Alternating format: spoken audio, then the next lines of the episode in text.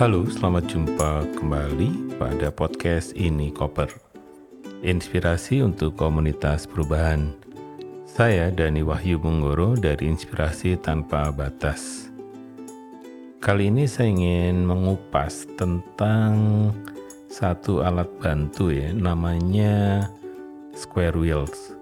Saya pernah juga bercerita sebenarnya bagaimana Square Wheel itu bisa membantu proses assessment kapasitas organisasi baik korporasi maupun organisasi sosial. Square Wheel itu ditemukan pada tahun 90-an oleh Pak Scott Zimmerman yang beliau sendiri sebenarnya expert di pengembangan kapasitas atau pengembangan strategi peningkatan kapasitas organisasi.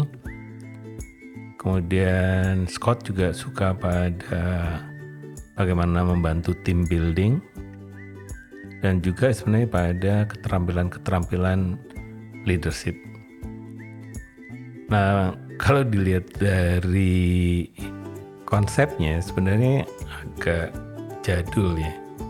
Karena kemudian di proses beberapa yang terjadi di lima tahun terakhir ini sebenarnya banyak metode yang dikembangkan oleh kalangan expert muda ya. Misalnya di kawan-kawan di Google mereka mengembangkan sprint semacam sprint strategi, sprint brand sprint atau sprint brand gitu ya yang kemudian ingin mencoba sebenarnya kenapa sih kalau kita diskusi tentang strategi dan kapasitas organisasi itu lama banget gitu. Kenapa nggak dipakai metode-metode yang instan juga? Hmm, boleh setuju, boleh tidak juga. Tapi yang di sini sebenarnya adalah kasusnya bagaimana kita bisa membantu organisasi untuk memeriksa secara mandiri kesehatannya gitu. Nah, kesehatan organisasi itu bisa dilihat dari mulai idenya ya. Ide organisasi itu dalam bentuk biasanya kita membuat organisasi selalu punya keinginan kan ingin mengubah sesuatu yang menjadi lebih baik atau ingin memproduksi sesuatu yang lebih baik, lebih keren, lebih murah, lebih cepat dan sebagainya gitu. Tapi esensinya untuk apa sih gitu? Akhirnya toh untuk bagaimana dunia ini menjadi berbeda dan lebih baik. Nah, kalau itu sudah, sebenarnya yang akan diperiksa berikutnya adalah kaitannya dengan seperti strategi. Apakah ada strategi untuk bisa mewujudkan apa yang dipercakapkan pada saat organisasi itu berdiri? Nah, kalau sudah ada strateginya, turun lagi kepada sistemnya atau proses-proses yang ada di dalam organisasi supaya strategi itu bisa di dibuat efisien ya mencapai tujuan-tujuan besarnya gitu. Nah kalau sudah ada sistem ke berangkat berikutnya sebenarnya adalah harus ada juga budaya untuk supaya sistem itu bekerja dengan baik gitu. Misalnya bahwa cara kerjanya sangat cepat, sangat teliti, sangat akurat, sangat pro-pur, sangat pro lingkungan dan sebagainya itu adalah budaya yang di sana mengandung nilai-nilai mana yang boleh, mana yang tidak. Kemudian juga ada brandnya, ada brandingnya juga. Sehingga di sini sebenarnya adalah untuk memastikan bahwa pada saat mendelivery strategi dan manajemen orang bukan asal saja tetapi menggunakan nilai-nilai yang disepakati di dalam organisasi itu. Nah, kemudian yang lain sebenarnya juga yang akan diperiksa bagaimana skillnya gitu. Bagaimana organisasi ini punya knowledge, punya keterampilan, punya pengetahuan gitu ya. Nah, di sini sebenarnya esensinya adalah bahwa organisasi mau tidak mau sebenarnya mereka juga bisa menetapkan keterampilan apa saja yang harusnya dikuasai dan dimiliki oleh organisasi itu. Dan kalau iya, bagaimana cara supaya keterampilan itu ada? Kalau tidak, bagaimana supaya keterampilan itu ada tanpa harus menambah sumber daya manusianya? Nah, baru di bagian akhir kita membicarakan tentang orangnya gitu. Nah, pertanyaannya adalah pada saat kita membangun organisasi, fokusnya pada orang atau pada tadi manajemen, struktur, aturan main. Karena di sistem mau tidak mau itu kita harus membangun prosedur-prosedur supaya semuanya tidak chaos. Nah, berbagai alat yang ada, cara memeriksanya adalah ada atau tidak adanya elemen-elemen yang bisa memastikan bahwa organisasi itu survive. Nah, di sini sebenarnya ada banyak tantangan ya dari pengalaman bagaimana melihat organisasi. Saya selalu bertanya apa sebenarnya yang paling sulit pada saat kita mengelola sebuah organisasi. Jadi apa sih sebenarnya challenge-challenge-nya? Challenge-nya kalau menurut saya adalah culture. -nya. Budaya itu menjadi tantangan yang utama. Apalagi kalau kita bekerja lintas negara. Nah, lintas provinsi kita di Indonesia itu bakal banyak budaya-budaya yang harus diincorporate gitu ya, dimasukkan ke dalam organisasi karena bisa beda gitu. Beda waktu dan dan sebagainya, beda perilaku, lifestyle ya itu jadi hal yang yang bisa merepotkan gitu kalau tidak ada budaya organisasinya. Yang kedua adalah bagaimana sebenarnya power ya. Bagaimana kuasa itu bekerja itu. Leader-leadersnya itu bagaimana. Apakah masih model yang lama gitu ya, cara pengambilan keputusannya sendiri gitu, atau manfaatkan kuasa-kuasa yang sudah didelegasikan kepada ya timnya gitu. Nah, kalau sudah didelika, didelegasikan, challenge yang paling juga besar itu adalah bagaimana cara kita mengambil keputusan dengan efektif. Ya, karena kita mau tidak mau ada selalu ada risiko, ada ketidakpastian, ada interpersonal issues juga, ada complexity juga. Nah itu bagaimana kita merespon itu gitu. Karena itu sebenarnya kita juga melihat di sini bagaimana politik di dalam kantor itu juga akan mempengaruhi organisasi gitu. Ya ada yang ya politiking gitu ya. Itu yang membuat kita kadang lelah ya di dalam organisasi karena banyak hal yang basisnya asumsi gitu. Nah, gimana organisasi itu bisa membuka diri supaya asumsi-asumsi itu dipercakapkan, dicari solusinya khususnya kalau asumsi itu tidak benar. Nah yang berikutnya adalah di zaman seperti ini itu change management itu menjadi satu isu yang paling krusial ya karena mau tidak mau perubahan itu bisa waktunya makin pendek gitu. Mirip kita menghadapi pandemi, setelah pandemi menghadapi perang di Eropa. Kemudian saat ini ada banyak kudeta di Afrika, Cina Amerika ya tidak stabil. Blok ekonomi juga sedang gonjang-ganjing gitu antara BRICS dan para penguasa lama. Dan itu memang diramalkan juga ya bahwa sebuah peradaban itu bakal berubah juga itu pada waktunya. Nah yang lain, kadang kita saat ini selalu dituntut kolaborasi, kolaborasi, kolaborasi. Emang gampang kolaborasi kalau soal kerjasama oke okay lah. Karena kerjasama kan cuma sharing ideas. Tapi kalau kolaborasi, esensinya adalah generating ideas.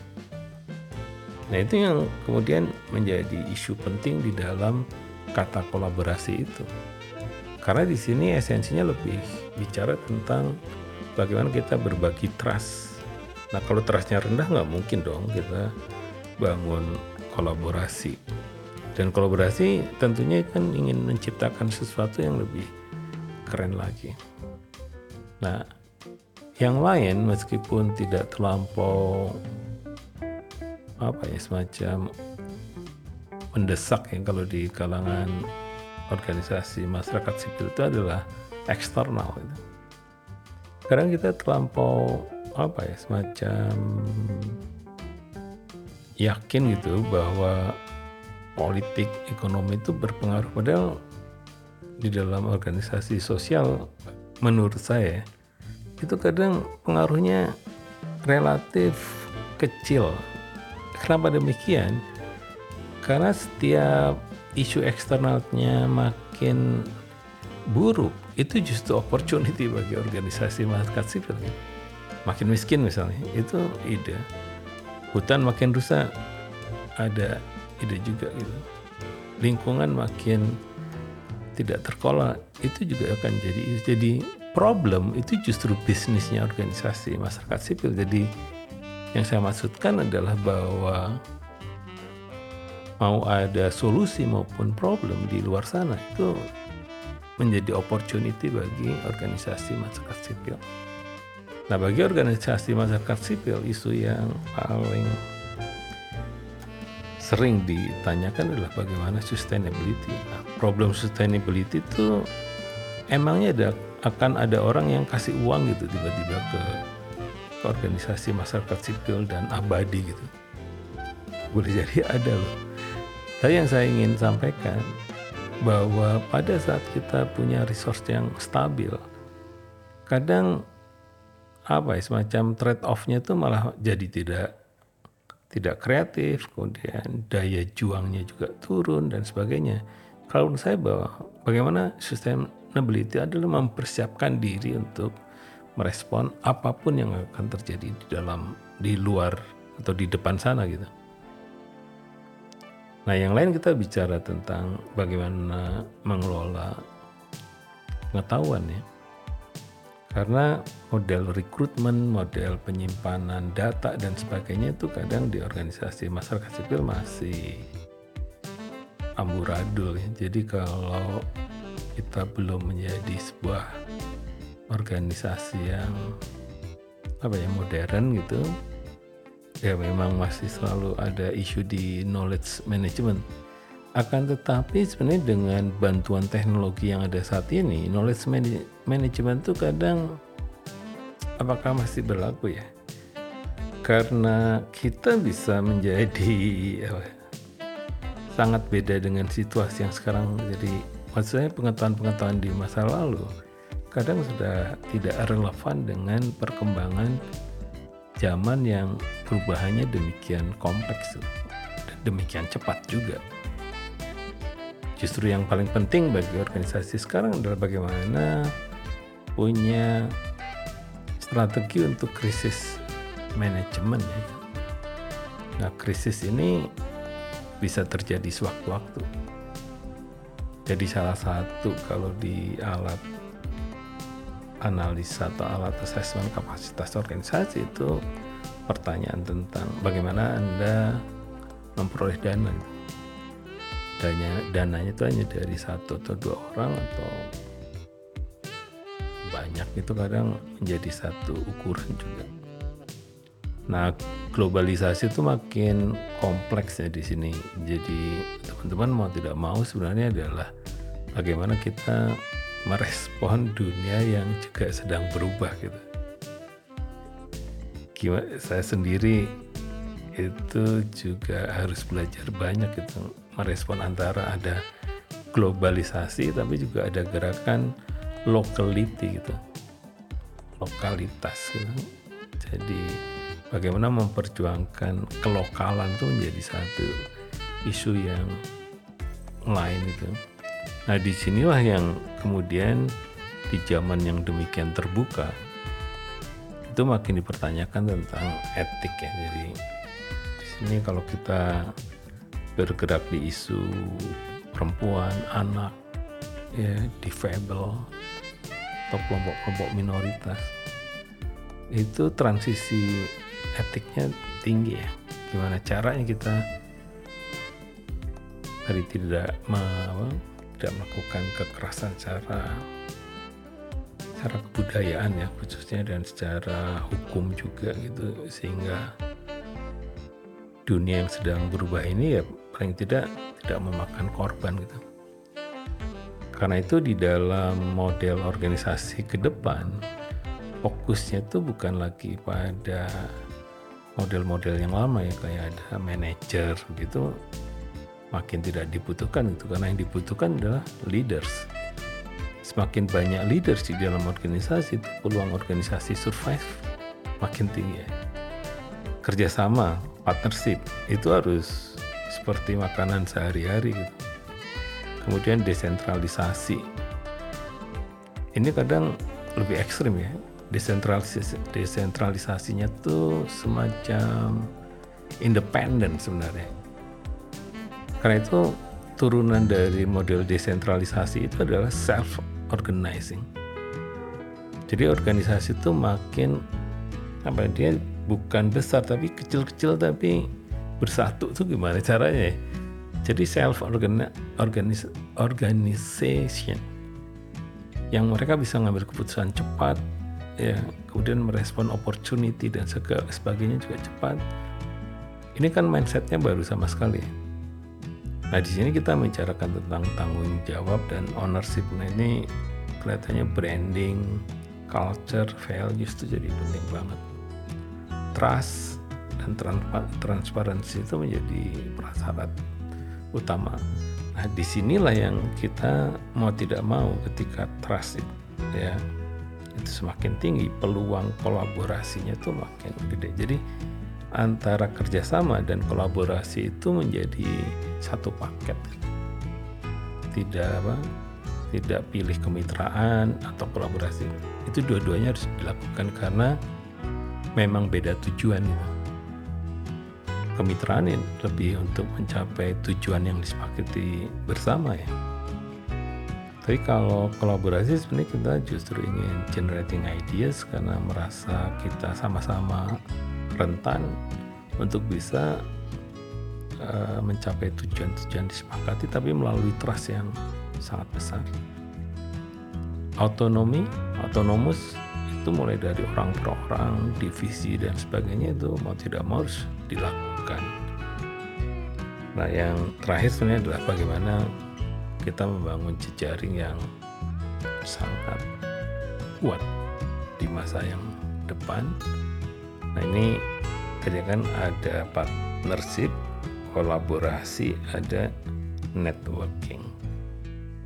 Networking itu paling longgar ya, tapi itu kalau mau tidak mau sebenarnya di dunia podcasting semacam ini pun networking menjadi sesuatu yang yang saling support ya. Itu yang penting bagaimana sebenarnya untuk menjawab pertanyaan awalnya dari square wheel tapi square wheel itu sebuah metafor yang kemudian bisa dipakai untuk mengeksplorasi apa yang menjadi tantangan-tantangan paling besar bagi organisasi ke depan. Itu saja ini koper kali ini. Sampai jumpa pada edisi berikutnya.